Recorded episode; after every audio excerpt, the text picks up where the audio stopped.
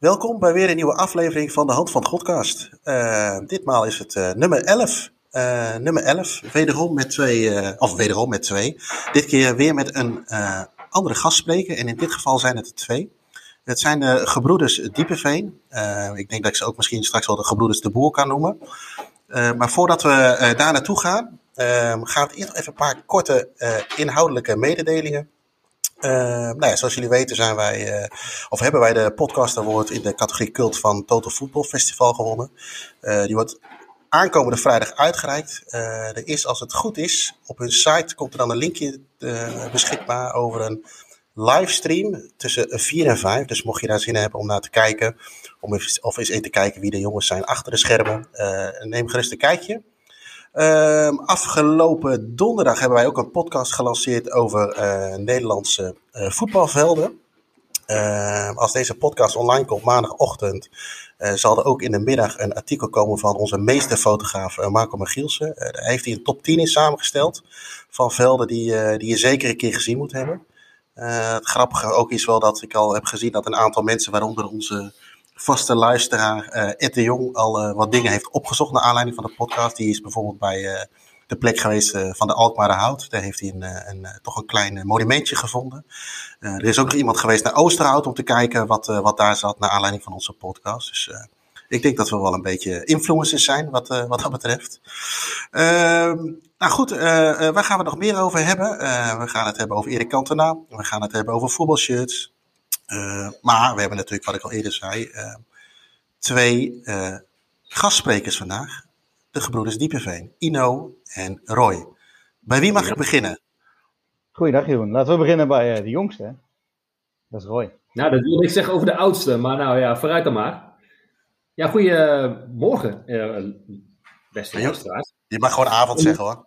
Ja, het is inderdaad nog avond, dus dat is inderdaad wat onwennig. Um, Nee, uh, heel erg vereerd om uh, bij de award-winning podcast uh, aanwezig te zijn van, van Staantribune. Um, nou, inderdaad, Jeroen zei al, Gebroeders Diepeveen. Roy is de voornaam. Um, Ajax-supporter, sorry luisteraars. Hoewel wij een hele mooie avond hebben gehad, een mooie middag hebben gehad. Daar gaan we het niet te veel over hebben. Ook om Jeroen een beetje te sparen.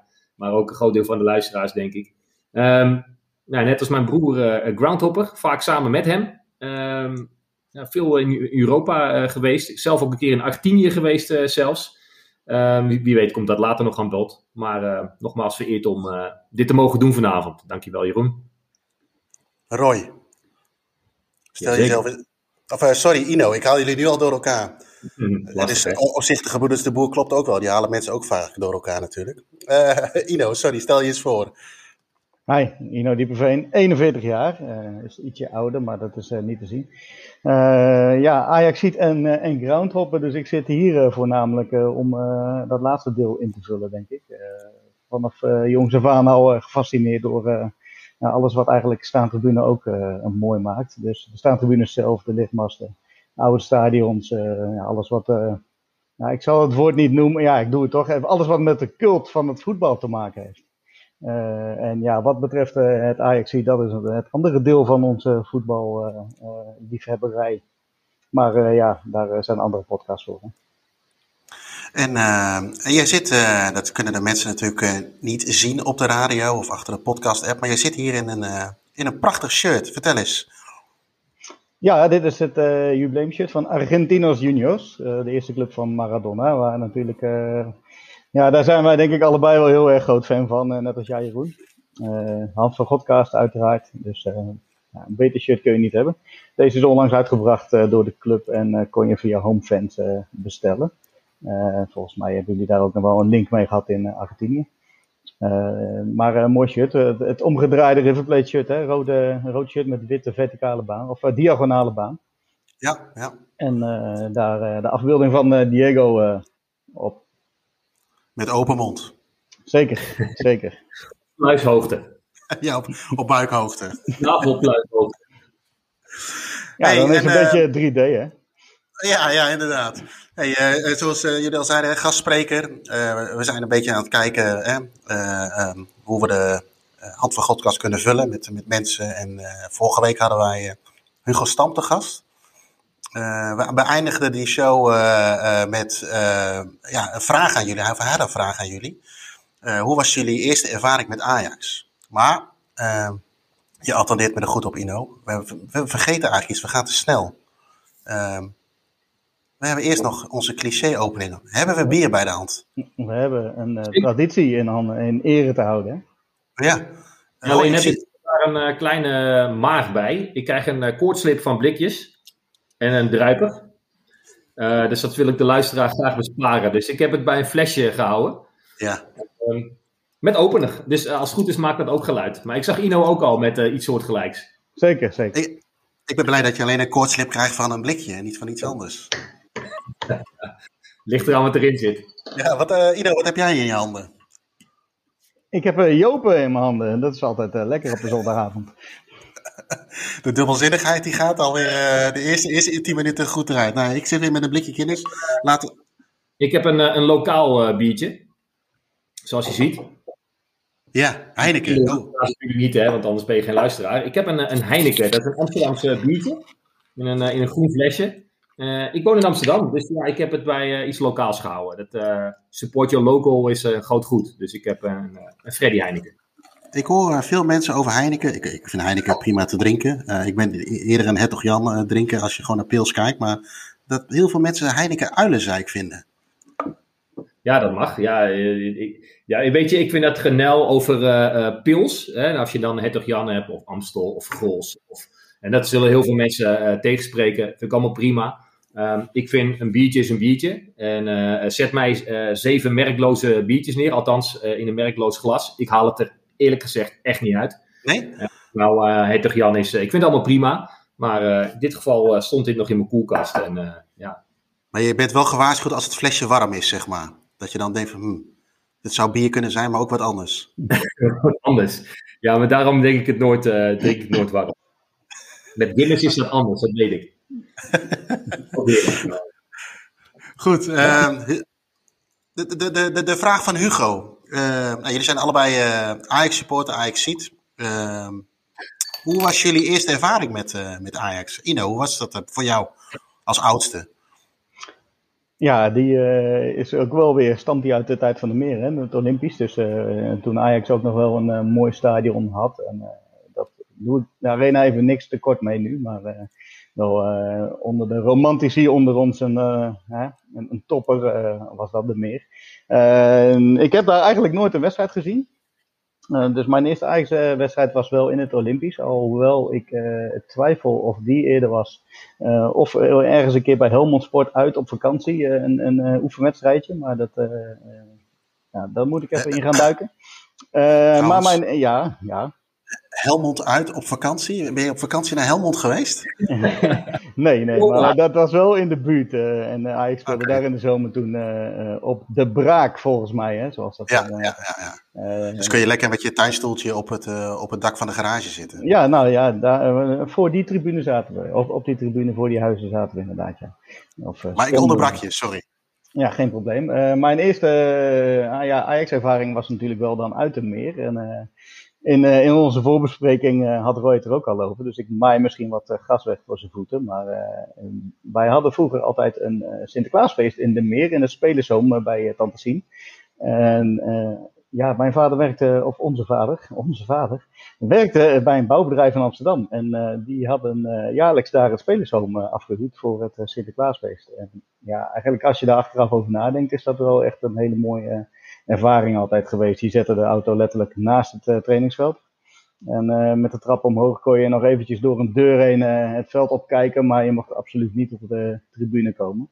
Maar dat nam niks van de, van de glans weg. Dus dat was een hele mooie eerste ervaring met een meer.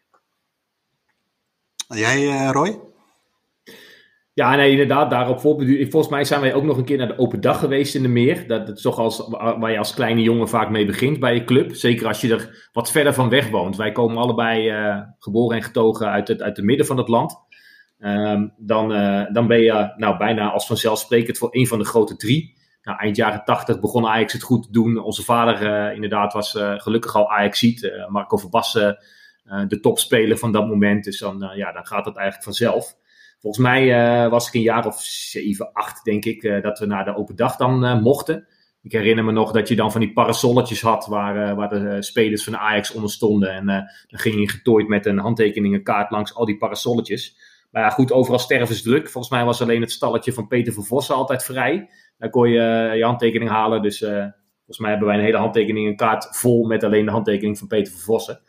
Maar goed, de eerste wedstrijd die ik me kan herinneren was inderdaad ook in het Olympisch Stadion. Dat was uh, kwartfinale 19, het seizoen 95-96. Dus uh, het seizoen na de gewonnen Champions League finale. In mijn geval was dat uh, Ajax-Dortmund.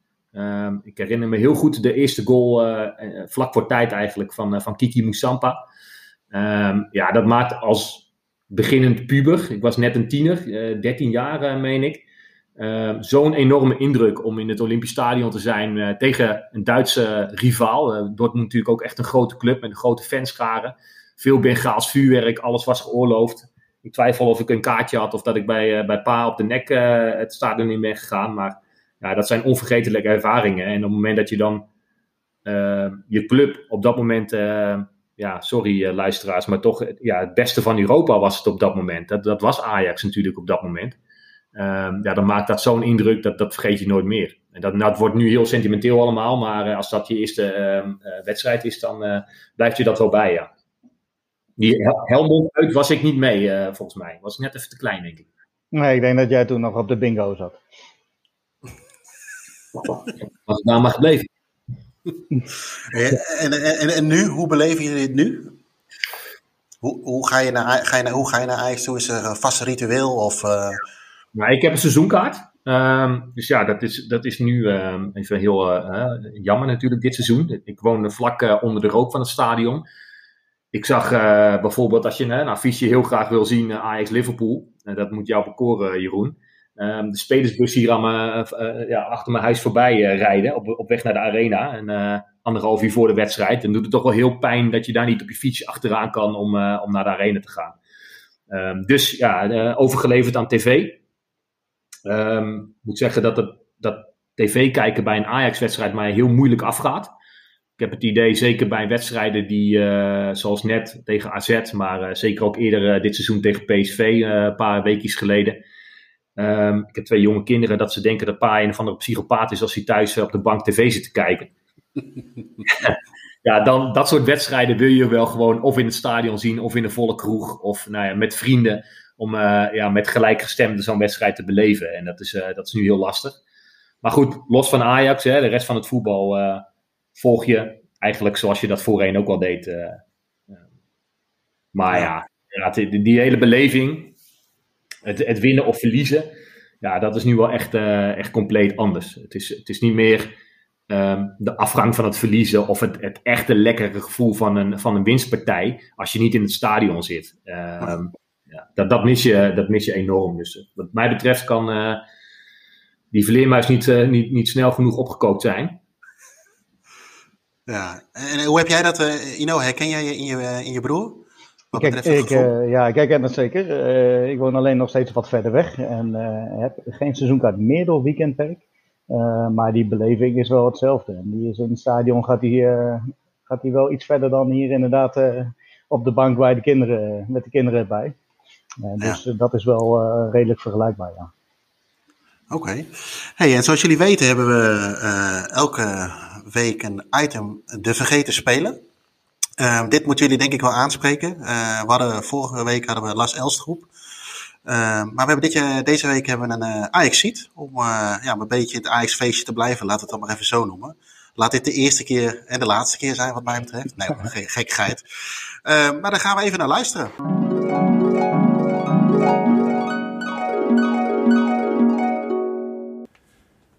De tweede speler in de rubriek Vergeten voetballers is dit keer een speler met een Amsterdam sausje.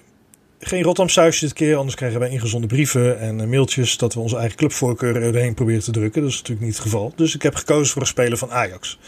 Wel uit dezelfde periode als Lars Elstroep. Dus uh, zeg maar tussen 1985 en 1990. De periode dat ik net het voetbal begon te volgen. En uh, ja, waar ik nog steeds met nostalgische gevoelens natuurlijk op terugkijk.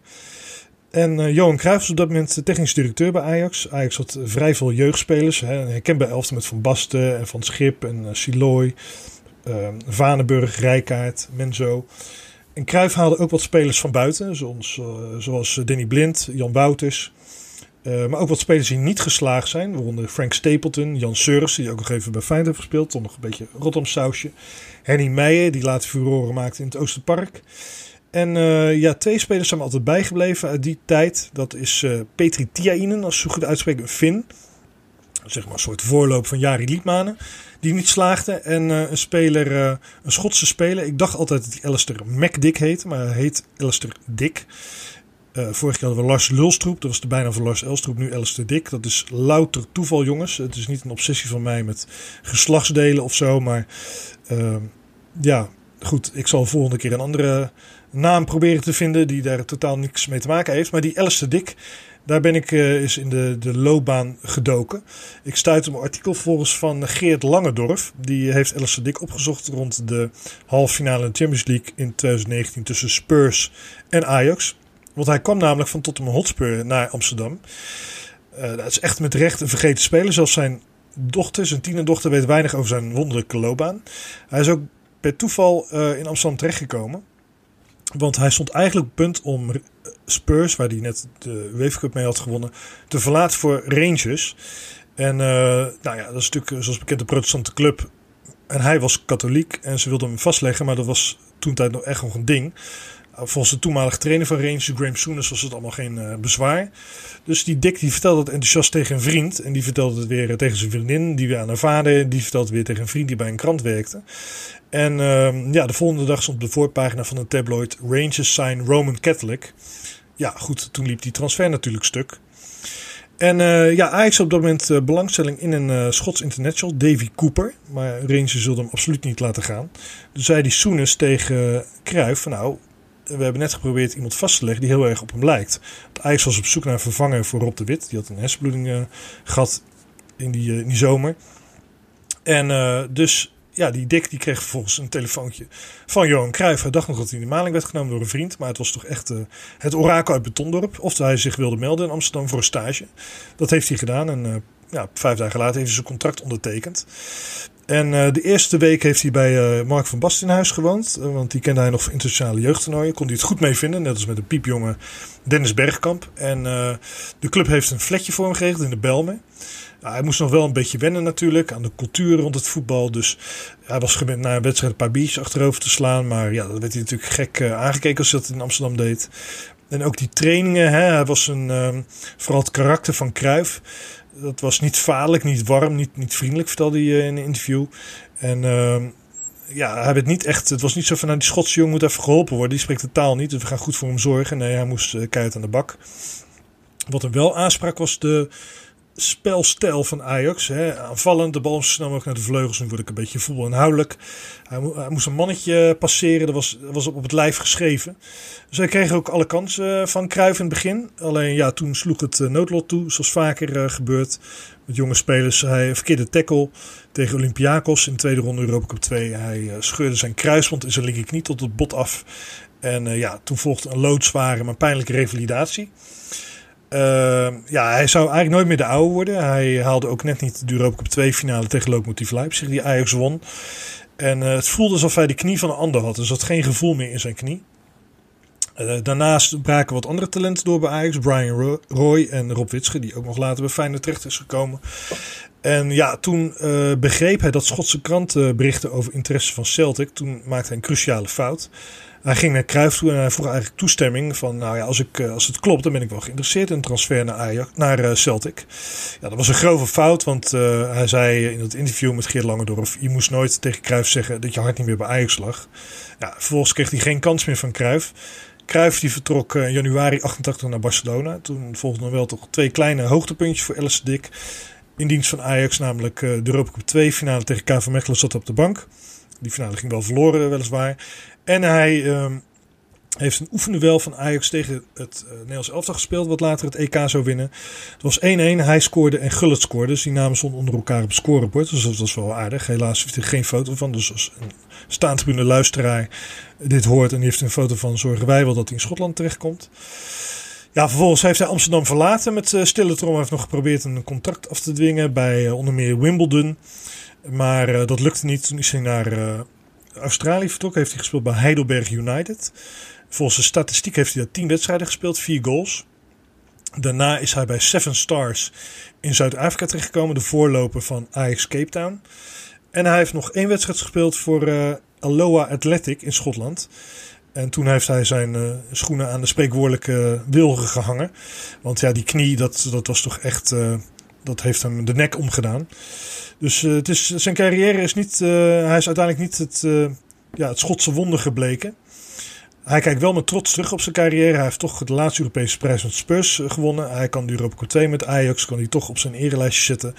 En hij is er trots dat hij met Cruijff heeft. Ondanks dat hij geen warme gevoelens had met El Salvador, kijkt hij toch met trots op terug. Want Cruijff vond hij wel heel goed.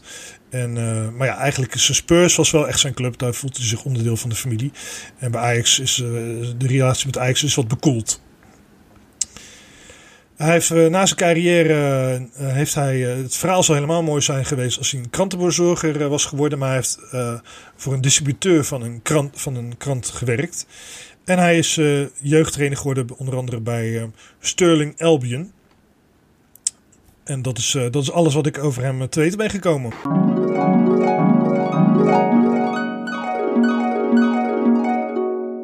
Goed, dat was Jim weer.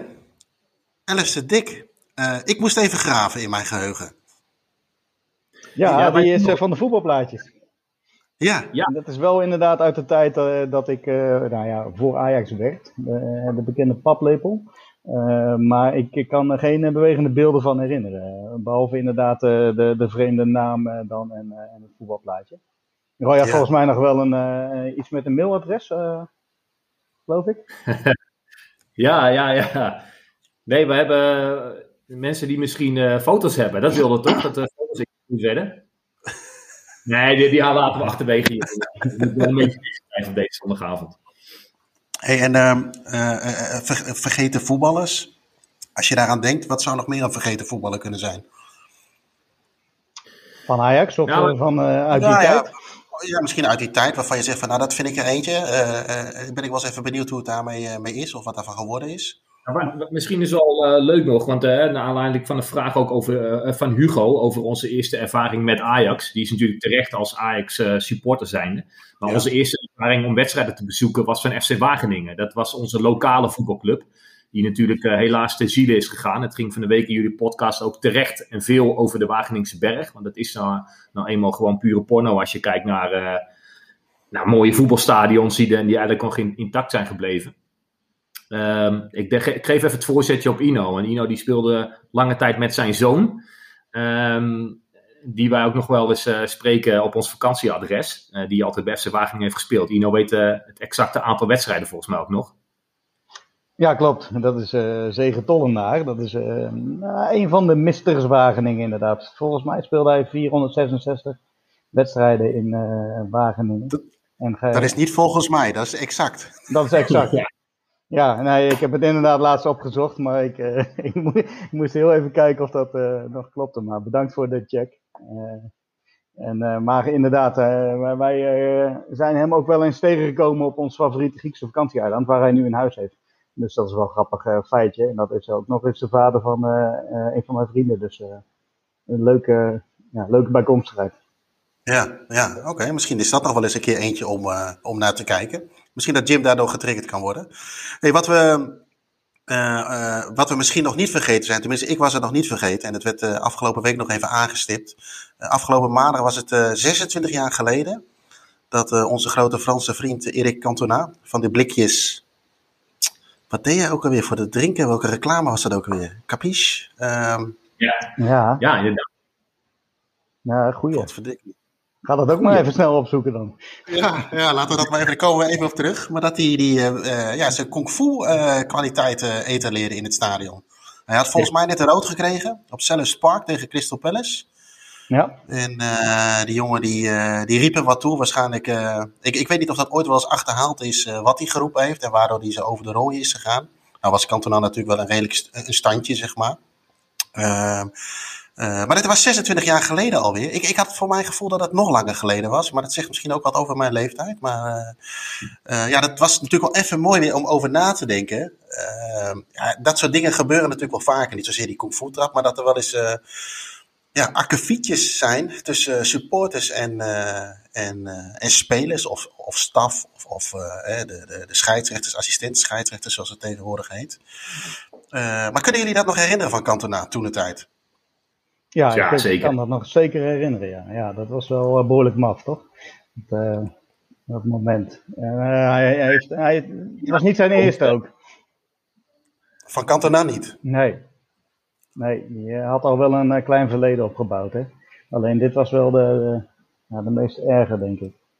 Ja, want jullie zijn denk ik misschien ook wel uh, bij die bekerwedstrijd geweest, denk ik, van Ajax AZ met, uh, nee. ik, wil Kabouter, ik wil Kabouter Wesley zeggen, maar dat zeg ik niet goed. Nee, daar was zijn wij niet geweest, maar ik heb daar wel een, uh, nog wel ook wel een leuk verhaaltje over. Want een dag eerder was onze lokale club GVVV doorgedrongen tot de achtste finale op het kasteel, waarin wij gewoon Sparta uitschakelden na penalties. En na het feest in de kantine uh, zijn wij midden in de nacht naar Roy gegaan om, uh, om even een paar uurtjes slaap te pakken. Alvorens wij de vlucht naar Londen pakten. Dus wij zaten in Londen op een groundhop tripje toen Ajax AZ werd gespeeld en hier in Malote het veld op kwam. En het maakte het nog wat zuurder dat we, nou ja, volgens mij stond Ajax op dat moment voor en werd hij op een dinsdagmiddag ingehaald met een stadion vol kinderen. En ging, ging Ajax er alsnog uit. En wat dus extra zuur was, is dat GVV uh, eh, zou loten tegen de winnaar van die wedstrijd. En het was natuurlijk voor ons oh. wel heel mooi geweest als wij uh, in de arena hadden gezeten. En nu moesten we naar uh, Alkmaar, wat natuurlijk ook leuk was. en als je als amateurclub een kwartfinale speelt, dan is dat altijd ja, heel gaaf natuurlijk. En we kwamen ook nog op 1-0 voor, maar het mocht helaas niet zo zijn. Nee, maar ik kan me dat een moment ook wel herinneren. Volgens mij was die keeper Esteban, als ik me niet vergis. Uh, die werd, uh, en dat was eigenlijk in een tijd dat de arena um, overwoog om die, uh, die uh, ellendige, lelijke grachten langs het veld dicht te leggen. En één kant was al gebeurd. Dat was de kant waar die, waar die gozer ook het veld op rende. Daar, daar achter die tribune, eigenlijk aan de overkant van de F-site. Daar, daar zit het rolstoelplatform. En die, die gozer die nam de benen over dat rolstoelplatform heen, over de boarding, om die keeper van AZ aan te vallen. Wat hem bezielde geen idee. Want uh, voor zover ik me kan herinneren, was daar geen aanleiding toe. Dat is het nooit hoor, bij dit soort incidenten. Maar je kan je nog wel eens voorstellen dat er van die doorgesnoven types zijn die bij een rode kaart door het lint gaan. Maar uh, ik kan me niet herinneren dat er zoiets uh, speelde. Dus dat was echt een uh, hele maffe actie. En inmiddels is dat volgens mij ook tien jaar geleden. dat volgens mij was het 2011. Ja, volgens mij had Five ja. Sports had volgens mij een keer een podcast op met hem. Uh, Zoveel jaar na dato. Ah, maar stel nou, hè. Uh, ik kan me bijvoorbeeld uh, Adebayo nog herinneren. Dat hij scoorde tegen Arsenal. En dat hij goal maakte aan de andere kant, waar de uitsupporters zaten van Arsenal. Ik denk dat het City was, gok ik zo. En hij ja. reed als een malle naar, uh, naar het uitvak. Nou, de uitvak wordt helemaal gek. Maar stel nou dat dat, um, eens even kijken, in jullie geval, uh, Siem de Jong speelde bij PSV. Uh, hij heeft even bij PSV gespeeld, een poging gedaan tot. En hij maakte de winnende uh, tegen, tegen Ajax en hij zou zoiets doen. En je hebt zo'nzelfde soort uitvak als bij, uh, bij City of als in Engeland. Nou, heeft, heeft Siem de Jong natuurlijk geen uh, negatief verleden of hij is, niet met, hij is niet vervelend vertrokken. Maar stel nou dat een icoon, een Ajax-icoon dat zou doen en hij zou zo naar het uitvak toe lopen. Zou je dan ook niet het gevoel hebben van even dat hekje over, tikje op de neus en weer terug? Ja, ja dat, dat, het, het, het, uh, het verhaal van het het engeltje en het duiveltje, denk ik. Ik denk dat het duiveltje heel snel zou zeggen, uh, we pakken hem. En hij gaat hier niet levend het stadion uit, bij wijze van spreken. Maar uh, ik denk dat er toch genoeg mensen zijn die, uh, die het er dan bij laten. Ik denk, in een stadion ben je altijd wel eens geprovoceerd. Um, kan me niet heel erg herinneren door, door ex-spelers. Um, maar wel, kijk, hè, vorig jaar uh, prachtigste Champions League seizoen dat Ronaldo bijvoorbeeld scoort. En die gaat dan dat irritante juichgebaartje doen stopt ook vlak voor het publiek. Ja, dan komt er wel eens een biertje tegen je aan. Ja, daar krijg je dan weer natuurlijk een boete voor en uh, spreekt iedereen schande van. Maar je kan het je in de emotie van een supporter wel voorstellen. En, uh, zeker als dat nog gevoeliger ligt bij een, uh, bij een ex-speler die dat doet. Dat, ja. Maar ja, Esteban had geen verleden met Ajax. Cantona had geen verleden met Palace. Dus die, dat sentiment speelde in die twee eerdere gevallen niet. Maar ja, het, nee. Dat dingen kunnen altijd wel blijven gebeuren, denk ik. Nou ja, nee, daar ben ik het mee eens hoor. Dus uh, dat is ook een beetje het. Uh, kijk, het, het, zijn ook incidenten. Het is ook niet zo dat het, uh, dat het elke week gebeurt of, of dat het altijd een gevaar is. we hebben natuurlijk ook nog die. daar moest ik ook nog even aan denken toen ik dat toen we daar een beetje over na gingen denken, die, eh, die grensrechter bij, eh, bij de graafschap die onvergeduwd werd.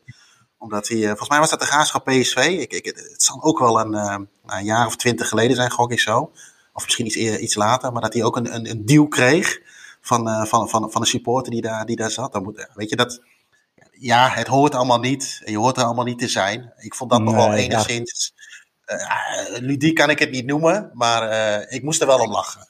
Nou ja, nee, het schiet me ineens nog te binnen. En ik, was dat ook niet bij de graafschap dat die man in dat elektrische, in die elektrische rolstoel tegen de scheidsrechter uh, aanreed? Ja, die wilde ik ook aanhalen. Maar die is volgens mij van Helmond Sport. Ja, dacht ik, ook, ja, dacht ik ook. Ik dacht zelfs Almere, maar nu zitten we in alle uithoeken van, uh, van Nederland uh, te gokken. We gaan het opzoeken. het zit ergens in die driehoek, denk ik. Een luister, luistervraagje is dit. Ja, ja en, dan, en dan ben ik benieuwd. Uh, om daar een, een, een, extra vraag bij te gooien. Heeft die gozer überhaupt wat gekregen? Want dan kun je natuurlijk wel in een rolstoel zitten. En dat wil ik niet zeggen dat je dan anders bent. Maar weet je, hij valt wel een, scheids, een scheidsrechter aan. Hij rijdt hem op zijn tenen. Ik denk, als jij dat doet en je zit niet in een rolstoel, dan kun je vijf jaar uh, buiten brommen. Nou, ja, misschien heeft hij een klakson gekregen. Dan kan hij zich de volgende keer eerst even aanmelden. ja, dat zou wel mooi zijn. Zijn er nog andere voorbeelden? Ik krijg trouwens een, eh, een, een, eh, een reactie van, uh, van Teuntje op Twitter, Ed Drunovski.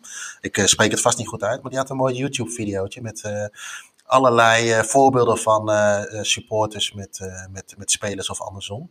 Maar hebben jullie nog een ander voorbeeld wat jullie heel erg bij is gebleven of wat je zegt van nou, die moeten we echt zeker even noemen? Een jaar of twee geleden bij de, de Birmingham Derby. Ja, daar was ik bij. Villa, was je daarbij hè? Ja, nou, dan was... Jij me ook vertellen, Jeroen? Ja, ja, je had natuurlijk eerder gehad die, uh, die ingooi van uh, Mjelberg richting die keeper. Bij, uh, ook bij City tegen Villa, Birmingham City Villa. En dat die keeper met het voetje eronder doorgaat en dat hij de, de goal inrolt. Wat overigens als doelpunt erkend werd, wat toen de tijd zeker geen doelpunt was. Want iemand moet hem eerst aanraken. Maar goed, nu worden we een beetje inhoudelijk. en doordat die ene gast langsloopt met zo'n wenkergebaar. En, en er was natuurlijk al, ja, ik moet daar als supporter, als liefhebber ook wel weer een beetje om lachen. En nogmaals, eh, weet je, het hoort allemaal niet. Maar ik, zie daar nog wel een beetje de, eh, de grap van in. Maar die gozer heeft volgens mij ook uh, gewoon een gevangenisstraf gehad toen de tijd. Maar twee jaar geleden gingen we, ik was er nooit bij, ik was al een keer naar Villa tegen Birmingham geweest. Voor, voor de derby. En twee jaar geleden gingen we naar de return. En toen kreeg Grealish kreeg een, een klap op zijn op zijn, op zijn slaap. En hij werd ook van achteren aangevallen. Dus hij zag het nooit aankomen. En ik, wat me wel bijstond, een paar dingen was... Nou, één, hij bleef enorm rustig. En dat vond ik heel erg knap. Terwijl het is ook nog een jonge jongen natuurlijk. Of toen was het nog een jonge jongen, ik weet niet. Uh, uh, in ieder geval twee jaar jonger dan nu. Uh, hij bleef enorm rustig en hij scoorde uiteindelijk de, nog de winnende. En daar zag je wel die explosie, dat hij, hij maakte de 0-1. Uh, uh, dat hij naar het uitvak toe ging. Het was ook aan die kant. Dat hij helemaal, ja, zonder meer na te denken, dat dat uitvak insprong. En toen kreeg, volgens mij, kreeg hij, was er ook nog een steward die wat moeilijke dingen daar deed. maar ik hoorde achteraf, zaten we in de kroeg. En ja, je kunt je, weet je, er is altijd een groepje die dat mooi vindt. Maar dat eigenlijk 80, 90 procent keurt het af. Maar dat was de tendens helemaal niet. Uh, de tendens was gewoon prachtig dat het gedaan wordt. Want Krilis is een jongen van Villa natuurlijk. En een van die jongens van, van City die heeft hem, eh, heeft hem een tik op het veld gegeven. En die zei ook van, nou ja, weet je, hij zal misschien even moeten brommen. Hij zal een stadionverbod krijgen met een boete. Maar die lappen we gewoon even met z'n allen. En als de jongen de kroeg binnenkomt, krijgt hij van iedereen gratis bier. Ja, ja, zeg het maar. Dus ik moest daar wel, ook daar moest ik dan ook wel weer om lachen hoe dat dan, ja, hoe dan die rivaliteit dan toch blijkbaar ja, best wel diep zit aan die kant. Dus, uh, nee, maar ik, ik, ja, ik zag het gebeuren. En het, het, het, gebeurde wel aan de andere kant van het veld. En ik zag achteraf eigenlijk pas, ik hoorde wel iets. Want uh, uh, dat er iets was. En later zagen we eigenlijk pas, ja, natuurlijk, tegenwoordig heb je een telefoontje in de hand. zagen we wat er gebeurde. Maar dat had wel een redelijke impact op de wedstrijd. Het, het was wel heel venijnig, die pot. Wij als neutrale kijkers vonden het natuurlijk geweldig. en ik vond het ook stiekem heel mooi dat hij ook de 0-1 maakte. Want dat is natuurlijk je ultieme revanche als speler. Ja. En, dan, en dan nogmaals dat hij zo rustig bleef. Ik denk niet dat ik zo rustig was gebleven. Dat zijn wel de mooie extraatjes. die je bij zo'n wedstrijd hebt. Hè? benieuwd hoe ze dan in, in jij schetst het al een beetje Jeroen, hoe ze in Engeland omgaan met dat soort excessen eigenlijk. dat, waarbij vrienden zeggen, we, we, betalen de pot mee, je krijgt voor iedereen een biertje. Ik kan me namelijk ook nog herinneren, en dat is ook al wel lang geleden, ik was bij die avond, in die tijd gingen wij samen, Ino, vaak op maandagavond bij de toekomst uh, kijken naar de wedstrijden van het tweede. Inmiddels natuurlijk jong Ajax. Maar die speelde ja, lang geleden alweer uh, tegen, tegen jong Feyenoord. Ja, met Van Persie. Van de wedstrijd helemaal uit de hand. En Ino kon er die avond niet bij zijn. Dus, maar, ik weet ik nog dat ik, ik was er wel bij. Of, of, ja, dat kan met wel. Ja, Van Persie ben ik bij geweest. Ja, precies. Oh, was je wel. Oké. Maar ik weet nog dat ik, nou, dat zal het iemand anders geweest zijn, die ik sms'te na de wedstrijd van, oh joh, hè, wat er gebeurde. Oh, je moet het echt even terugzien. Uh, echt lachen. het was matten na de wedstrijd. Maar op dat moment realiseer je helemaal nog niet wat de impact eigenlijk is. Ik weet nog dat ik thuis kwam en op teletext keek. Wij zijn uh, nog steeds van de teletext overigens. Op, op AT5. En daar ging het echt, nou, daar staan ongeveer tien onderwerpen op. En die gingen alle tien over dat incident. En hoe het voorkomen had moeten worden en nou, hoe het veroordeeld werd. En toen kwam het eigenlijk pas binnen wat voor impact dat had. Um, dat de sterspeler van, uh, van toen uh, van, van, van Feyenoord ja, op het veld werd aangepakt. Um, ja, dat, dat, op dat moment in het stadion realiseer je dat eigenlijk helemaal niet zo. Dan vind je dat eigenlijk wel mooi, zo'n opwelling en dat die rivaliteit echt tot een, tot een eruptie komt ja, achteraf, ja, dat, dat zal misschien Wesley ook gehad hebben. Dat zullen alle incidenten waar we het nu over hebben misschien ook gehad hebben. Dat ze achteraf denken van, oh shit, ja, dat had, had even, hadden we even anders op moeten lossen. Ik, ik denk dat iedereen die dat wel eens, gok ik zo, meegemaakt heeft, die dan wordt ochtends wakker en die denkt, oei, dat was gisteravond, hadden we dat misschien iets, iets anders kunnen doen. Nou, ik heb nog wel een mooi vergelijkbaar voorbeeld misschien als het... ja, zeker, zeker. Ik uh, ben zelf uh, eens bij de Udingen geweest in Grotenburg. Uh, en iedereen die daar wel eens geweest is, tot een paar jaar geleden, die kan zich de mascotte Grotifant nog wel herinneren. Dat was volgens mij de grootste hooligan van de club. En die hadden ze gewoon een olifant te pakken en een olifantenkop opgezet. waardoor die ongegeneerd zijn gang kon gaan op het veld. En als het een te heet om de voeten werd, dan ging die kop af en dan ging hij ook gewoon het veld in, in zijn olifantenpakkie.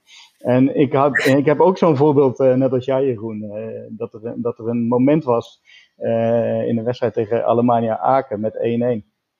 Uh, waarbij uh, de hand van God uh, driedubbel over werd gedaan. Ik heb de foto nog naar je geappt van de week, misschien dat die nog gedeeld kan worden voor de luisteraars. Maar dat was zo'n overduidelijke hensbal en iedereen in het stadion zag dat. behalve de scheidsrechter. Dus die goal werd in eerste instantie goedgekeurd. En na een hoop commotie, waarbij Grotifant zich ook weer ging bemoeien met de scheidsrechter. Hoe die toch in zijn hoofd kon halen dat hij werd afgekeurd, want het was toch geen hens. Uh, dus dat was ook wel een hele mooie. En uh, een dag later las ik trouwens dat, uh, dat de maker van het doelpunt zelf naar de scheidsrechter was gegaan en had gezegd: Joh, dit was ongelooflijk vals spel. En we maken er gewoon 1-1 van. En die, die, die punten kwam Udingen trouwens ook aan het eind van het seizoen tekort. Ze zijn toen oh. nog gedegradeerd en gelukkig daarna weer twee keer gepromoveerd. En helaas op dit moment volgens mij niet meer in Grotenburg spelend, of even tijdelijk niet. Nee, eeuwig zonde, of eeuwig, uh, dat is wel heel erg zonde inderdaad. Uh, nou ja, wie, uh, wie zich ook wel eens misdroeg, vooral naast het veld, was natuurlijk de man waar deze podcast naar vernoemd is. Diego Maradona. ik kan me nog wel herinneren overigens de veldslag met Bilbao. Daar kunnen we misschien ook wel eens een keer een special over houden trouwens. Uh, om eens te onderzoeken wat daar allemaal aan gebeurde. Maar ook naast het veld wilde hij nog wel schieten op journalisten. En hij heeft denk ik alles wel fout gedaan wat, wat hij kon. Maar dat maakt hem voor mij ook wel weer een, een ultieme legende. zoals sinds vorige week hebben we elke week een, een quizvraag. Of gaan we elke week een quizvraag houden waar Maradona centraal staat. vorige week hadden we de vraag, wat was de vraag wat de laatste woorden van de trainer Juan Carlos Montes was tegen Diego toen hij debuteerde bij Argentinos Juniors. En toen hij de tweede helft het veld in kwam. Nou ja, wat, uh, wat hij zei was: uh, speel vooral je eigen spelletje. En als het kan, uh, probeer iemand te poorten. Nou, dat is hem uiteindelijk ook gelukt. Er is ook een, er is ook een foto van. hij poort uiteindelijk, ik heb het wel even opgezocht hoor. Juan Cabrera. En dat, is, dat, dat moet je maar eens even op googlen. Dat is een, daar staan mooie stukjes over te vinden. er waren meerdere mensen die, die die vraag goed hadden. We hebben er eentje in de tombola gegooid. tombola. tombola, een van de twee. En de winnaar is, is Rick Eckhart. gefeliciteerd. je hebt het boek Verdwenen Profclubs gewonnen. Die, je hebt je gegevens al netjes meegestuurd, dus die, die krijg je netjes opgestuurd. Ook deze week hebben we weer een vraag. En die luidt als volgt. Oh mama, mama, mama, mama, corazon. Maradona, mama. Uh, Maradona die heeft uh, meerdere records in handen. Tenminste waarschijnlijk, als we dat goed op gaan zoeken. maar hij heeft ook een record gevestigd gekregen op het WK 1986 in Mexico. de vraag luidt, hoeveel overtredingen werden op Diego Maradona gemaakt op het WK in 1986? Nou, mocht je dit antwoord weten, mail het ons naar podcast.staantribune.nl met daarin je naam en je gegevens. Uh, waarvoor je speelt deze week is een fantastische staantribune voetbalpen. Uh, we zullen hem eventjes uh, tweeten met de foto erop. Er zit een heerlijk draaiend balletje op. dus nou, mocht je het antwoord weten op deze vraag, podcast.staantribune.nl Oh mama, mama, mama, oh mama, mama, mama,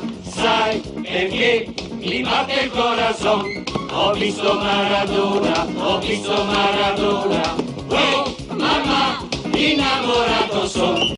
Ino, Roy, enig idee hoeveel overtredingen er op Maradona zijn gemaakt? Ik zal, niet, uh, ik zal alleen ja of nee schudden of je in de buurt zit. Nee, ik heb geen idee. Eh, ja, laten, we, laten we zeggen 26. Nee, ik denk meer. Ik ga voor, uh, weet ik 44. Oké, nou ja, goed. Het is niet goed. Uh, maar ik kan wel zeggen dat uh, Roy uh, meer in de buurt zit dan, dan Ino. Hij kreeg natuurlijk best wel wat, wat tikken te verwerken in zijn carrière. Hey, voor, toen we um, deze podcast voorbereiden met z'n drieën, nou weet je, dan maak je een appgroepje aan, dan lul je een beetje over voetbal. ik denk dat we allemaal alle drie wel een beetje hetzelfde erin zitten. Maar volgens mij was jij het, Roy. Ik weet het niet zeker, corrigeer me als het niet zo was. Maar jij appte een mooie fotootje over een planning voor een groundhop tripje naar Engeland. Je laat hem dus Oh, het is, het is echt ook een A4'tje. Vertel eens, hoe, uh, hoe, hoe, hoe, hoe, bereiden, hoe bereiden jullie zoiets voor? Wat, wat, wat, uh, wat uh, leg het papiertje eens uit voor de, voor de luisteraars. Nou, eigenlijk is het ja, in die zin zo simpel dat op een gegeven moment steek je de koppen bij elkaar en zeg je: we gaan weer eens een de, de zee over richting Engeland, is het vaak. En we pakken zoveel mogelijk tripjes mee in een weekend wat mogelijk is nou ja, met, met, met vaste banen, met kinderen, met planningen, noem maar op. Uh, ja, dan zit je toch wat beperkt in je tijd. Dus je probeert tussen vrijdagmiddag en uh, nou, zondagavond zoveel mogelijk uh, te doen. En dan is ja, Londen natuurlijk bij uitstek degene waar je het meeste succes hebt om zoveel mogelijk wedstrijden te zien. En dan ga je eigenlijk heel simpel uh, de fixture listen bijpakken op uh, de websites van de Premier League, de, de, de Championship, de, de League One en League Two misschien nog wat amateurs mee. Je, kijkt, uh, uh, ja, je probeert even wat contact te zoeken met mensen uh, ter plekke. Misschien ook wel een Joris die, die vaak weet wat voor amateurclubjes er nog zitten. En dan ga je pennen. Dus ja, in dit geval was het volgens mij vorig jaar, vlak na de, na Oud en Nieuw. Toen zouden we ergens tussen februari en maart zouden we, zouden we gaan. En dan schrijf je gewoon per weekend alle wedstrijden op in de buurt van Londen die te bezoeken zijn. En dan ga je krassen, strepen. Dan ga je ook mee uh, kijken ja, wanneer speelt Ajax. Hè? Als we uh, seizoenkaart houden wil je liefst die wedstrijden ook uh, niet missen. Um, en op een gegeven moment rollen er, rolt er een soort van top 3 uit. Ja. En dan is het eigenlijk de haalbaarheid checken van hoe makkelijk komen we aan kaarten. ja, hoe valt het weekend? Met Pasen of iets dergelijks. En, uh, ja. Als, ja, ja, zodoende eigenlijk. En uh, volgens mij hebben we toen het weekend van 17 maart, inmiddels is het volgens mij alweer twee jaar geleden. Ik stuurde die foto nog door ook in hetzelfde appgroepje waar jij het net over had. Dat het takken koud was uh, bij, bij Fulham en Brentford, een combi die we toen gemaakt hebben. Um, we zouden naar een wedstrijd van Spurs ook gaan op vrijdagavond. Die werd eruit gehaald omdat Newcastle, de tegenstander van Spurs, FA Cup verplichtingen had. Dus toen bleef eigenlijk de combi Fulham-Brentford over, waar totaal niks mis mee is, want het is fantastisch. Maar iedereen die wel eens bij Fulham geweest is, die weet ook hoe koud het daar kan zijn aan de Theems. Met dat open, open gat uh, daar. En het was toen, naar gevoelstemperatuur van vandaag is er niks bij. Gevoelstemperatuur van uh, nou, min 20. Volgens mij zitten mijn ballen nog ergens daar uh, aan de, de, houten tribune vastgevroren. En nadat je daar twee uur gezeten had, toen ja, paar minuutjes in een warme taxi en vervolgens op de staantribune van, van Brentford, wat totaal geen straf is. Nee. Maar nou ja, zo, lang verhaal hoor, maar zo zoek je een beetje naar de combinaties die, die goed te doen zijn, die ook te bereizen zijn qua aanvangstijdstip tussen Fulham en Brentford. Nou, iedereen die daar wel eens geweest is, die weet dat dat goed te doen is een van onze eerste trips met Ino, uh, als te lang lul moet ik maar zeggen hoor. Maar uh, was, uh, wilden we de combinatie Spurs en Barnet uh, doen. Barnet speelde toen nog op Underhill. We dachten aan de hand van Google Maps, zover waren we nog niet. Maar aan de hand van de landkaart, van, nou, dat is prima te doen. Dat, dat redden we makkelijk. We hadden ongeveer 20 minuten tussen de laatste fluitsignaal van Spurs en het beginsignaal van Barnet. Nou, dat redden we wel. Nou ja, dan vergis je je al heel snel in de afstanden in Londen. Een klassieke... De tweede helft komen we eraan, ja. Ja. Een klassieke groundhopfout. Zoveel ja, mogelijk willen vinken. En ja. zeker in Londen is dat, uh, is dat niet te doen. Op een zaterdagmiddag, ja. Ja, ja. Hey, en Ino, ik hoorde, ik hoorde Roy net zeggen, inderdaad, je legt ook het schema van Ajax uh, bij neer.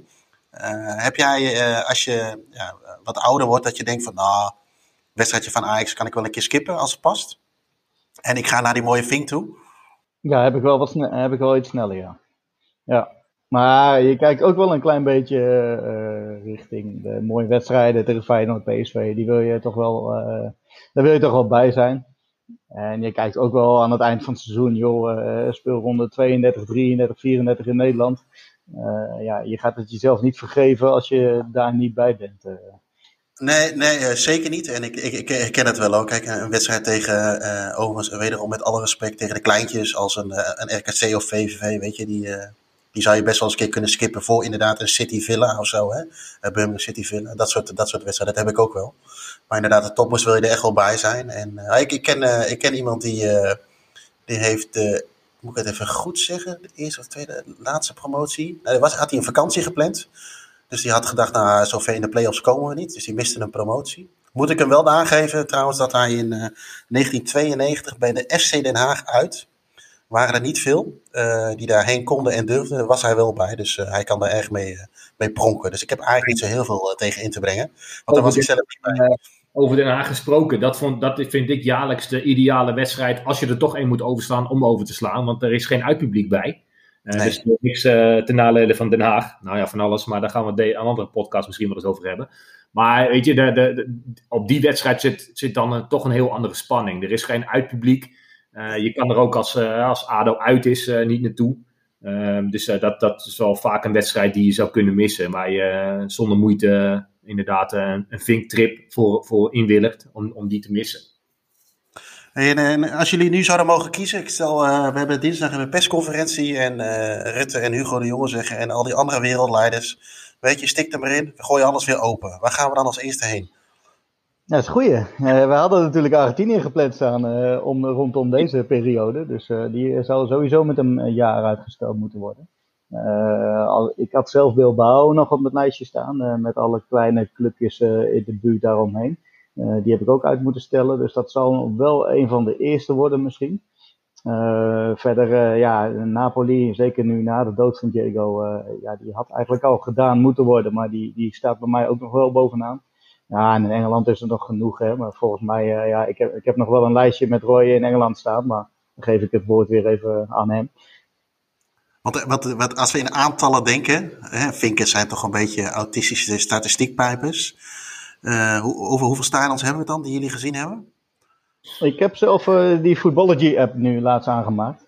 en ik zag dat ik eens, ja, 56 buitenlandse wedstrijden heb. Dus dat is voor, ik noem mezelf ook geen groundhopper hoor. Dat is en jij, uh, Roy? Nou, die is een van die Duitse vinkers waar Joris het altijd wel uh, moeilijk mee heeft.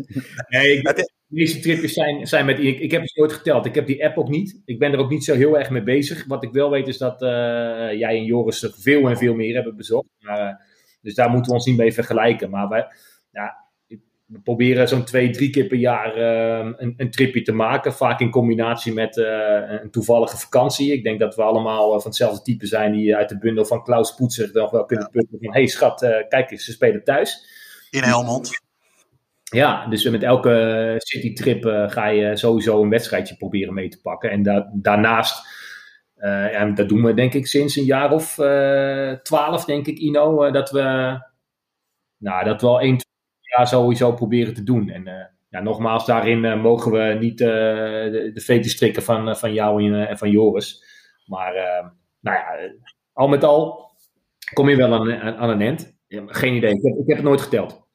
Nou ja, en, en uh, nu is dat dit seizoen natuurlijk wat lastiger. Maar eigenlijk was het uh, wat dat betreft wel ideaal dat Ajax in de UEFA Cup of in de Europa League zit. Dan kom je een keer niet bij Madrid, bij Ars, nou, Arsenal. Nee. Ja, grote ik, jongens. De leukste away-tripjes, uh, dat zijn de, clubs waar je juist niet komt. Hè. Ajax heeft toen een jaar of tien geleden een keer in Noorwegen gespeeld bij IK Start. Ja, wanneer kom je daar nou, weet je? En dat, dat zijn de leuke potjes om mee te pakken als je, als je uitspeelt. Want inderdaad, Real Madrid en Barcelona, ja, dat klinkt dan weer zo hooghartig, maar dat, dat, dat heb je wel gezien. En dat blijft leuk, want daar gaan een hoop mensen naartoe. En vaak is het mooi weer en je geniet van de tapas en de biertjes, dus dat is echt wel prima. Maar als je puur voor de cult staat en, en gaat en, en de kleine stadions mee wil pakken, dan, dan, dan, is IK Start of Timi Sawara, dat zijn wel hele mooie tripjes, ja. Er wordt nu een hele grote zak chips voor mijn neus weggekaapt. Dat is dan even reden dat ik en dat gaat ook de woonkamer in. Er wordt ook niet gezegd, wil jij ook nog een bakje? Is dat de grote die dat doet of niet? ja, doet nu de, de muts af en, uh, en heeft een deegroller in de hand. Nee. Maar zoals Getafe en zo, weet je, dat zijn toch, uh, even los van de, van de voetbal, hè, van de uitslag en hoe de voetbal toen werd. Maar uh, dat zijn, ja, weet je, dat zijn wel een beetje de leuke... Oh, kijk eens. Dit is een goed, dit is een goed huwelijk. Heel goed. En wat, en wat extra lawaai erbij. En nog een keer. Maar, maar dat, zijn, dat zijn de... Ik weet niet of dat nou het goede voorbeeld is. Ik ben vorig jaar met Ino nog even naar, uh, naar Madrid uh, geweest. En toen hebben eigenlijk wel een grote boog om Getafe heen gelopen. En nog een andere club waar ik nooit meer wil komen is Leganes. Nee, want? Vertel. Nou ja, dat slaat eigenlijk nergens op. Maar als, als, als vinker, als, als groundhopper, ja, heb je ja, je verschaft jezelf een bepaalde status dat je overal wel een kaartje voor kan, kan scoren en naar binnen kan. Als je bij Boca Juniors naar binnen komt en nou, weet ik veel waar dan ook ben geweest, dan lijkt me het affiche Leganes Malaga nou niet de, de, de meest moeilijke om ook aan kaarten te komen. Maar uh, ja, we hebben daar drie uur rond het stadion heen gelopen en kansloos. Gelukt. Nou, dan, okay. dan ben je af als club. Ja, dan ben je, kut, dan ben je gewoon een kutclub. Dat klopt. Dat is, dat is zo. Dat, uh, daar ben ik helemaal met je eens. Als het niet gaat zoals jij wil, dan is iedereen kut, behalve jij. Hé, hey, daar zouden ze een stadionliedje van moeten maken. Ja, ja. Hey, um, over gesproken. Afgelopen ehm, zomer uh, zijn Joris en ik naar uh, Tsjechië geweest. We hebben onder andere Praag Reptos bezocht. Expat club, beginnend onderaan in het laagste niveau in Tsjechië met als doel... Uh, ja, profvoetbal te gaan spelen. Een van die spelers die daar nu speelt is, uh, is de Nederlander Jelle Damen. En uh, elke week gaan we even bellen met Jelle.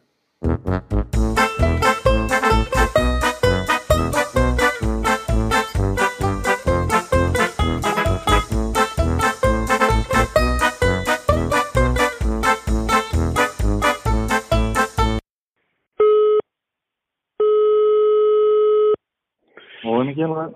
Hey Jelle, goedemorgen. Hey Jeroen. Hoe is het? Ja, gaat goed hier. Gaat goed. En met jou? Ja, zeker. Het is weer weekend, hè? Het is een weekend, ja, gelukkig wel.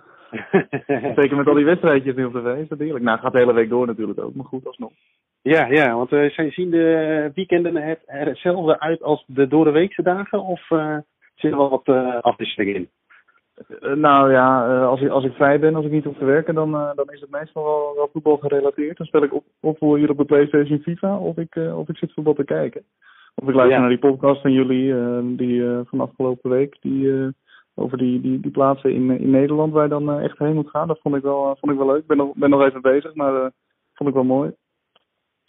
om, om dat te luisteren. En ik had ook, want bij, bij SV Hillegom heb ik, ik altijd gevoetbald. En vroeger waren dat twee clubs, VV Hillegom en Concordia.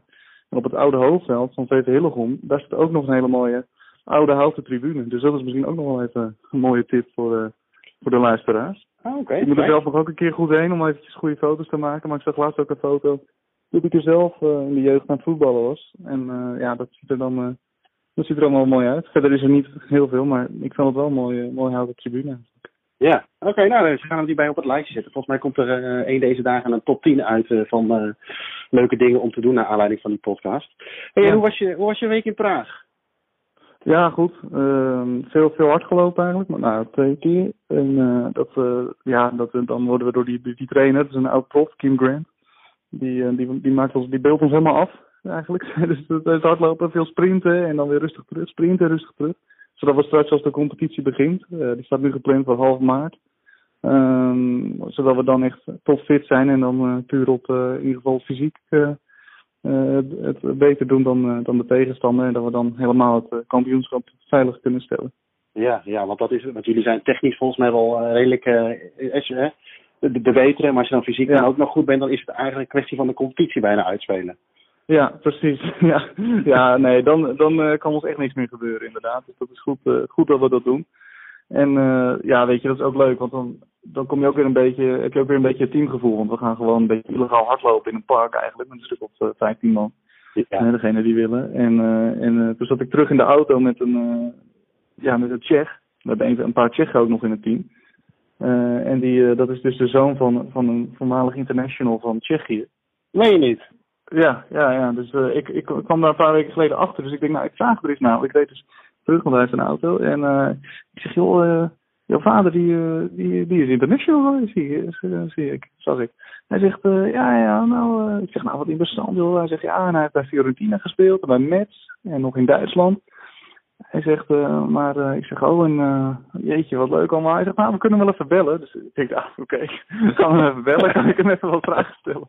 Maar ja, ik wist, ik wist verder niks van die man, maar hij had dus ook tegen Nederland gespeeld als even kijken, voor de kwalificatie van het EK 96 in 1995.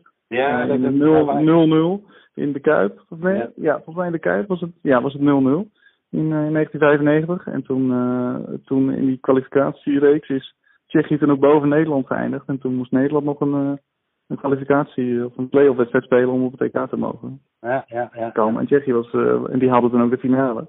Dus hij, hij, hij zat daar mooi bij de selectie. Dus ik dacht, nou is goed, maar maar toen nam hij niet op, helaas. Dus dat was jammer. En hij zegt maar, hij zegt die, die, die, teamgenoot van mij, zegt nou we gaan, we gaan het volgende week gewoon weer proberen. Dus, dus maandag, komende week gaan we weer, gaan we weer eventjes, eventjes, eventjes proberen. En, hij had gesproken en hij zou, hij zou opnemen volgende keer. hij heeft ook heel veel met, met Maradona, of tegen Maradona gespeeld. Want in die tijd van van Fiorentina, dat hij daar zat, uh, ja, speelde hij veel met tegen, of speelde hij ook een aantal keer tegen Maradona. En hij had ook zijn shirt. Alleen die, uh, die was gestolen, had ik, uh, had ik begrepen. Oeh, dus eigenlijk een spannend weekje zo. ja, ja, ja, ja. En het interview ga ik straks af, afnemen van, van een oud, oud, oud prof. En ja, hij was ook nog even manager bij Tolkien United bijvoorbeeld. Ik zit dan op de Wikipedia natuurlijk helemaal uit te zoeken. En ja. dat vind ik allemaal wel leuk om eventjes even te zien en ook wat beelden op te zoeken van hem. Dus uh, ik ga hem even goed voorbereiden en stel ik hem even een paar vraagjes en dan, uh, dan komt het helemaal goed. Oh, wat goed man. Nou ja, weet je, het lijkt me een mooie teaser voor volgende week. Uh, ja. De teaser is dat wij volgende week natuurlijk samen de hand van Godcast gaan opnemen. Ja, ja, ja, ja. Dus het lijkt me een uitstekend moment om daar even op terug te komen. Ja, gaan we, gaan we zeker doen. Hey, ik wens je een goed weekend en we spreken elkaar.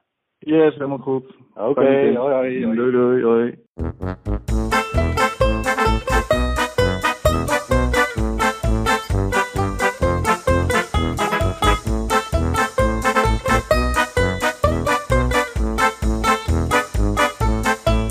Goed, dat was hem weer. Uh, nou, ik ben wel benieuwd naar wat hij eh, volgende week eh, te melden heeft over die vader uh, van de teamgenoot van hem. Die toch ook tegen Diego Maradona gespeeld heeft. Nou, wie is dat? Wie, hoe heet die man? Ja, dat is een goede vraag. Volgens mij is het Kubik. Oh, oké. Nee, nee, nee, nee, nee, nee, nee. Zover, ik, ik kende hem niet. Volgens mij is hij iets van Kubik of iets dergelijks. Maar ja, wat hij zei, bij Fiorentina bij Metz gespeeld. goed, wat ik ook begreep is dat hij zelfs een shirt had van Maradona maar dat hij die kwijt is geraakt. Ja, dan ben je echt een enorme eikel. Zo. Dat, dat, is een podcast waard. Ja, ja, ja, ja, inderdaad. Dat we hem helemaal kapot maken. Dan kan hij zo'n fantastische carrière gehad hebben. De dat hij podcast, ja. ja. Oh, hey, hey. Taboom. Zet maar zo trots op die zijn. Zet is er weer bij. Uh, over shirts gesproken. Ik maak het ene slechte bruggetje naar het andere, merk ik al wel. Maar, uh, ik zag een, uh, een, een, een een vijfde, zesde of zevende shirt van eh, Paris Saint-Germain op de markt komen. Ja. Uh, nou weet ik dat smaak subjectief is en dat er niet over valt te twisten. Maar ik, dat was wel een enorm, een enorm kut shirt. Ik heb sowieso sinds Ronnie Hansen weg is bij Paris, heb ik niet zoveel met de club. Dus dat is alweer een tijdje geleden. Ja. maar, maar dit is ja, weet je, ik zei het ook al wat eerder, maar Nike is een beetje de clown van, van de voetbalshirts wat mij betreft. Uh, ik snap allemaal waar ze om, om ze doen, maar, maar, dit zijn toch shirts die helemaal nergens meer overgaan?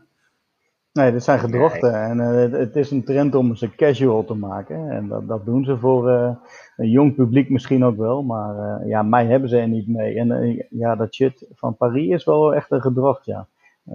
ja, want het is roze met blauw, weet je, kleuren ook. ik, ik, ik, ik heb wel eens trouwens begrepen van uh, kijk, ik vind het prima dat je met een derde shirt een keer wat, uh, uh, wat experimenteert. Hoewel ik altijd vind dat je met je fikken van het logo af moet blijven. Al maak je hem in paas, maar bij van spreken het logo van PSV of van Go Ahead moet gewoon de kleur hebben die het heeft. En dat het dan afsteekt tegen het shirt, dan had je het shirt maar anders moeten maken. maar ik heb wel eens begrepen bij, bij PSV, toen zaten ze nog bij Umbro. En toen hadden ze, ja, dat was volgens mij vorig jaar met dat lelijke oranje shirt. Uh, met, die, met die blokjes en het oranje logo. Maar eh, echt uit de cijfers bleek gewoon dat het een enorm succesvol shirt is. Omdat het fel is. En wat jij ook zegt, Ino. Uh, de jeugd vindt dat mooi. En dat, dat, dat snap ik allemaal wel. Maar ik denk dan, ja, weet je, doe er dan minimaal het, het, het, logo op. Alleen wat me heel erg irriteert aan deze is, is dat het halverwege het seizoen uitkomt. Dus ze hebben er eigenlijk al twee of drie, gok ik zo. En er komt een vierde uit. En weet je, die shirts kosten ook weer 70, 80 euro. En het heeft gewoon niet zoveel meer met voetbal te maken. Tuurlijk hadden, en dat vinden wij waarschijnlijk mooi, uh, de jaren negentig hadden natuurlijk ook enorm slechte shirts, die nu heel erg cult zijn, heel mooi zijn, en, maar vooral uh, uh, heel schaars, hè, omdat ze toen niet veel gemaakt werden. En dat lijkt inderdaad wel een beetje alsof ze nu een hype willen creëren. Want je ziet ook al die toonaangevende accounts, zie je dat shirt promoten. En ik kan me niet voorstellen dat die gasten, die zeg maar zo'n classic voetbalshirts of dat soort gasten, die eigenlijk alleen maar lopen te pochen met de mooie shirts die ze hebben, die ze overigens voor veel te veel geld verkopen, maar goed, dat is een andere discussie.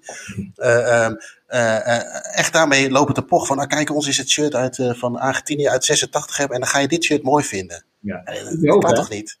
Nou ja, weet je, en er komt ook een beetje omdat Liverpool kwam nu ook met een, niet eens een vierde shirt, maar met een, ja. ik, ik, ik, ik werd daarmee kapot gemaakt bij een aantal jongens van, uh, ook waar ik mee Liverpool kijk, die zeggen ja, het zijn vooral Nederlands, geen Engelsen, want die Engelsen hebben er helemaal niks mee. Maar ja, Nike komt met een, hoop, met een grote zak met geld. Ze hebben een veel grotere afzetmarkt en bla bla bla. Ik zeg, het zal allemaal wel. Maar ik ga je nu al vertellen, die komen met drie gedrochten van shirts. Ja. Nou ja, ook uh, thuisshirt vind ik nog enigszins kunnen. Uh, en maar die twee uitzichten gaat helemaal nergens over. En die komen ze met een vierde shirt. Dat dan weer gekoppeld is aan de Nike Air Max reeks. Ja, die Nike Air Max. Niet, wat helemaal niks met voetbal te maken heeft. Dan komen ze met een enorm groot Nike Air Max, of Nike Air logo erop. En dat is dan een soort warming-up shirt. En dan mag je de prijzen raden, wat je daarvoor moet betalen. Ja, dat zal ook uh, 70, 80 euro aan tikken, denk ik. Uh. Ja, 70 pond. Ja, voor een warming-up shirt, ja. Ja, dit is, ja. ja. ja ik zag ja, dat dus we dat bij Chelsea en Spurs ook hadden. En bij nog een club, geloof ik. Dat ze Nike Air Max uh, ja, range hadden. Ja, leuk. Ja, ja, en weet je, het heeft allemaal, nogmaals, het heeft allemaal met geld te maken. Maar ja, goed, misschien zijn wij ook een beetje, of ben ik misschien een nostalgische oude zeur. Maar ik ben, ik ben uh, kijk, uh, uh, Roy, had het volgens mij over sneakers. En je bent een sneaker freak, zeg ik dat goed zo? Ah ja, of, misschien een groot woord, maar ik, ja, ik, ik, ik, log regelmatig in om te zien wat er uitkomt. En vandaag, nou ja, wat treffend voorbeeld, kwamen er, of gisteren was het, een paar uh, verschillende soorten uit. Uh, het zijn echt clownschoenen. De, op de bowlingbaan word je ermee weggestuurd. Maar de, die gaan voor, voor 8, 9, 10 keer over, over de kop op het moment dat je misgrijpt. En iedereen grijpt mis. Hè. Er zijn natuurlijk bepaalde mensen die die, die, die dingen opkopen. Al ver voordat ja, als, ja, als, als normale freak, koper, dat, ja. Het is niet meer dat je zomaar even een winkel inloopt, een paar schoenen past en ze mee naar huis neemt in, de, in die wereld. En dat, dat, dat begint wel heel erg tegen te staan. Uh, en blijkbaar is de, ja, de jeugd waar we het ook over hebben met deze uh, voetbalshirts, daar gewend mee geraakt en die accepteren dat. En uh, ja. ik denk dat, dat Nike daar wel, wel van profiteert. Of ja, profiteert, ik weet niet of dat het goede woord is, maar daar misbruik van maakt, laten we het dan zo noemen. Want het ziet er echt niet uit, het, het kan niet. En als ja, die verder ook is, uh, is het wel is pijnlijk. Ah, kijk, qua sneakers eh, snap ik het wel. Ik heb zo ook een paar Nike's in de kast staan. Ik ben zelf meer een Adidas man. En ik vind Umbro ook nog. Maar ik vind dat echt voetbalmerken op een of andere manier. Maar wat ze heel erg... Uh, het, woord, het woord kende ik nog niet. Dat heeft Joris, mij, Joris uh, aan mij geleerd. FOMO. Fear of missing out. Ja, ja, ja. Ik moest er even over nadenken. Maar, dat, is het, dat, dat, is het wel. Dan noem je wel een, een toonaangevende hipster natuurlijk. Sorry? Dan noem je ook wel een toonaangevende hipster natuurlijk met Joris. Jo Joris, ja, Joris. Ik begreep uh, vandaag, al, uh, vandaag nog dat hij uh, al, wat is het? Het is 31 januari. Al 31 dagen geen spijkerbroek aan had gehad. Dat hij al 31 dagen loopt te meuren in dezelfde, dezelfde trainingsbroek. Dus inderdaad, hij is een hipster. Dat is geen, geen dry January dan meer. nee, nee, nee. nee. Hey, maar waar, waar, moet een shirt wel aan voldoen dan? Kijk, ik loop nou wat te zeiken over, over, over die shirts van Nike. Maar wat, wat, wat maakt nou een klassiek shirt? Nou ja, kijk, het, het, het thuisshirt mag, mag inderdaad, wat jij ook zegt, daar mag niet aan getornd worden. En dat gaat niet alleen om het logo, maar ook in de clubkleuren. Uh, dat, dat zou gewoon in de, in de reglementen van elke club vastgelegd moeten worden. En voordat je een contract afsluit met of het is uh, Nike, Adidas, Umbro, kan me niet schelen. Maar dat dat gewoon een voorwaarde is. Daar, daar zit je niet aan. En een uitshirt, ja, daar kan je natuurlijk je creativiteit op loslaten. Maar um, ja, vorige keer uh, in, je podcast met Hugo ging het over positieve dingen van je, van je rivaal. Nou, onze rivaal is denk ik bekend. Die hebben jarenlang een uitshirt gehad in het groen-wit. Het zijn niet mijn kleuren, maar het zijn de kleuren van de stad Rotterdam in dit geval. Het is in ieder geval een rechtstreekse verwijzing naar de, de stad waar je speelt. En dat, ja, dat kan je mooi of lelijk vinden, maar dat is niet, ja, ik, ik vind het toch wel mooi. Uh, Ajax heeft ja, inmiddels ook alweer wat jaren geleden een, een rood met zwart shirt gehad, verwijzend naar de kleuren van Amsterdam. Dat is mooi. Daar zou een shirt in mijn optiek aan moeten voldoen. Als je dan uh, voor uitkleuren kiest, laat het dan ergens op slaan. Uh, het, het, grootste gedrocht wat ik me kan herinneren is een jaar of vier geleden met dat gifgroene uitshirt. Daar zat nog een, rood-zwart randje om de mouw heen. Om nog een beetje een knip over te hebben in Amsterdam. Nou, dat zag er echt niet uit. In dat shirt hebben we overigens wel de Europa League finale gehaald. Dus dat maakt dan weer een hoop goed.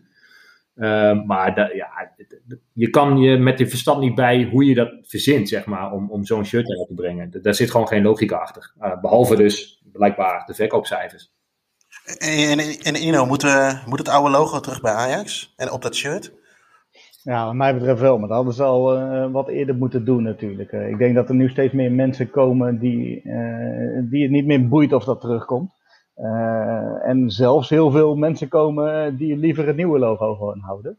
Dus ik, ik okay. misschien is het al wel te laat om dat te doen. Wat mij betreft mag hij terug, want dat blijft uh, voor mij uh, ook wel waar Ajax voor stond of voor staat. het blijft voor mij een heel mooi logo. En de reden die ze toen hadden dat het niet te maken was in die aantallen, staat natuurlijk al nergens meer op. dus nee. dat kan overboord, denk ik. En, en, en alles met Adidas is denk ik bij jullie ook wel wat gekalmeerd, toch? Dat was in het begin ook met die drie strepen op het shirt en dat soort dingen was best wel een dingetje volgens mij. Ja, het ook wel iets met sentiment te maken dat Feyenoord volgens mij toen ook overging op Adidas. Toen ja, was het in het begin een beetje een, Adi, of een, uh, een Feyenoord-merk. Nou, dat sentiment is er nu volgens mij ook uh, al eventjes niet meer.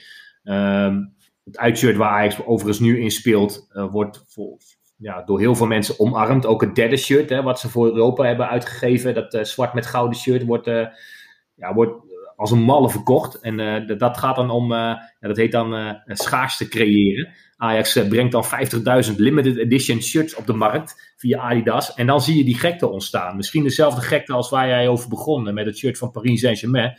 Hoe lelijk het ook is.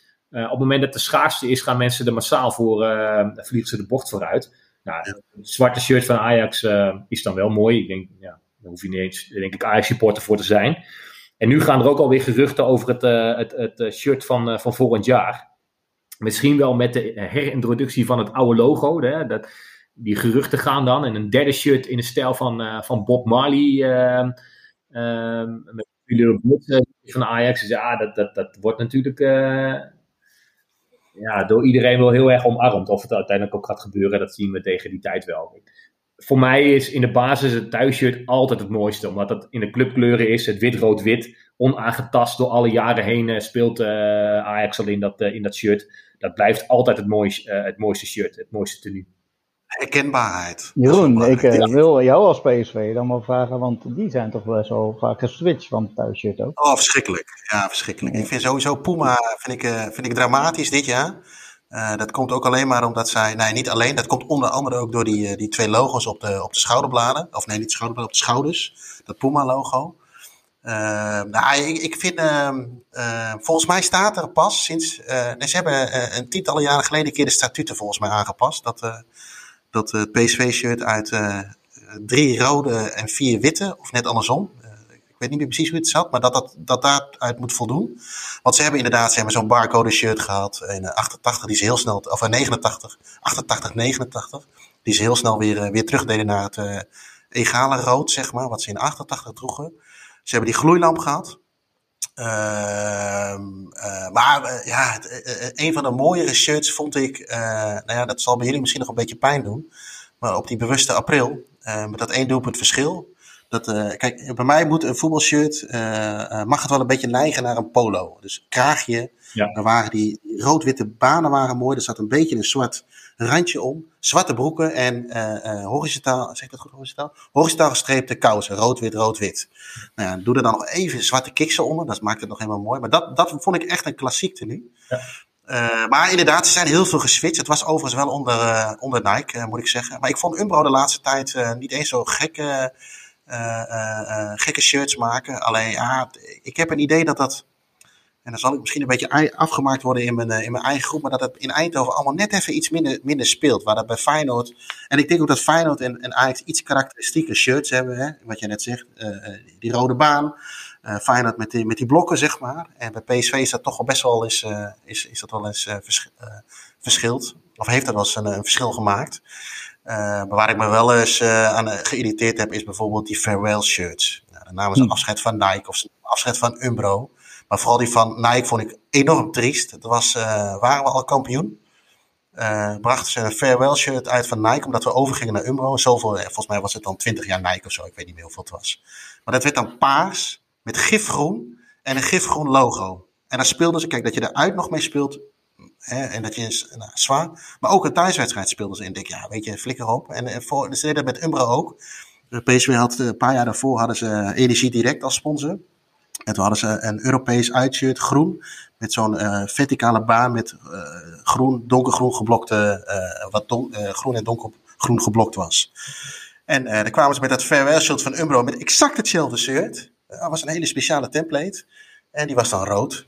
En uh, daar was dan ook, wat jij zei, er werd dan ook limited verkocht. Werden er dan, uh, ik noem maar wat, 3.000, 4.000 van verkocht of zo. En, uh, en die werden dan ook voor, gewoon nog even voor 60 euro aangeboden. Dus ik zou daar wel wat meer traditie in willen zien. Alleen, ja, ik, ik weet niet, op een of andere manier is dat er nooit van gekomen. En ik denk dat dat ook bij de achterban ehm, iets, iets, iets minder leeft dan bij Ajax en Feyenoord. Dat is, dat is mijn gevoel. wat je ook wel eens hoort, wat je vaak hoort is van ja, maar Nike is grote namen, we moeten grote namen hebben en, uh, en dat soort dingen. Of, uh, maar ik denk juist, ik, wil, ik hoef niet per se een grote naam te hebben. Je moet, je moet gewoon een ontwerper hebben die de club respecteert en die de geschiedenis respecteert. Ja, precies. En als dit je that's it.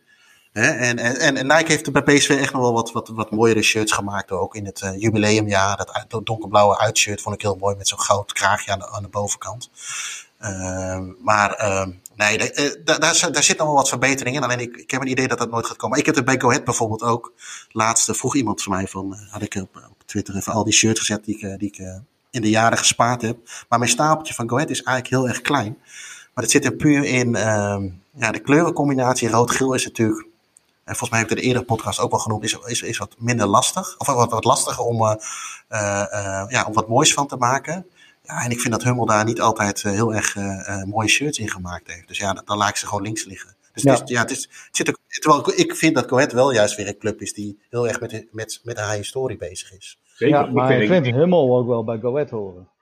En ik vind Hummel ook wel een mooi merk. Maar wat je zegt, de kleurencombinatie is niet echt gemaakt voor een mooi voetbalshirt.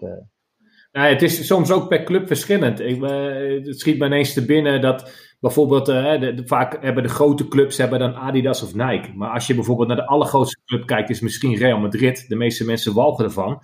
Maar die hadden eind jaren negentig een fantastisch shirt met kelmen. Weet je, ja. dat merk wat je nauwelijks kent. Maar met van die soort van hondenpootjes op, het, uh, op de mouw. Nou, dat was echt een geweldig shirt. En dan, dan hoef je dus niet eens een hele grote sponsor te hebben om toch toffe shirts uh, te kunnen maken. Misschien wel dankzij de wat kleinere ehm, merken die zich een beetje verdiepen in de cultuur of in de, ja, in de historie van de, van, van de club en van de ja. uit het verleden. Nou, ik vond ook van uh, Liverpool is nu ook over naar Nike gegaan. En nou, ik, ik, ben daar niet heel erg kapot van. Maar ze zaten hiervoor bij New Balance. die hebben echt de laatste twee, drie jaar echt, echt hele degelijke. Liverpool is gewoon rood, klaar. En dan kun je er nog een V-hals van maken. Of, of, of nou, nogmaals een kraagje vind ik mooi, maar het hoeft niet altijd. En die hadden de laatste twee, drie seizoenen echt fantastische thuisshirts. Uit was een beetje uh, experimenteren. Maar goed, het verhaal bleek uiteindelijk dat uh, New Balance had blijkbaar beloofd een, een grotere afzetmarkt te hebben dan dat ze uiteindelijk konden, konden leveren. En ja, bij Nike is het natuurlijk waarschijnlijk twee keer zo groot. want inderdaad, want als jij toen de tijd in Nederland een Liverpool shirt wilde kopen in de winkel, uh, moest je nog best wel even zoeken. Kijk, online kan natuurlijk alles, hè, dus dat is geen enkel probleem. Maar Nike hangt natuurlijk overal. En dat, en dat is het grote verschil. En dan gaat het om de centen. En, en dat snap ik ook allemaal wel. Maar ja, maak dan, maak dan ook gewoon een mooi shirt. Nou, New Balance heeft als vreemde eend in de bijt wel uh, echt mooie shirts gemaakt. Hoor. Voor Liverpool, voor Celtic, voor Porto ook heel mooi.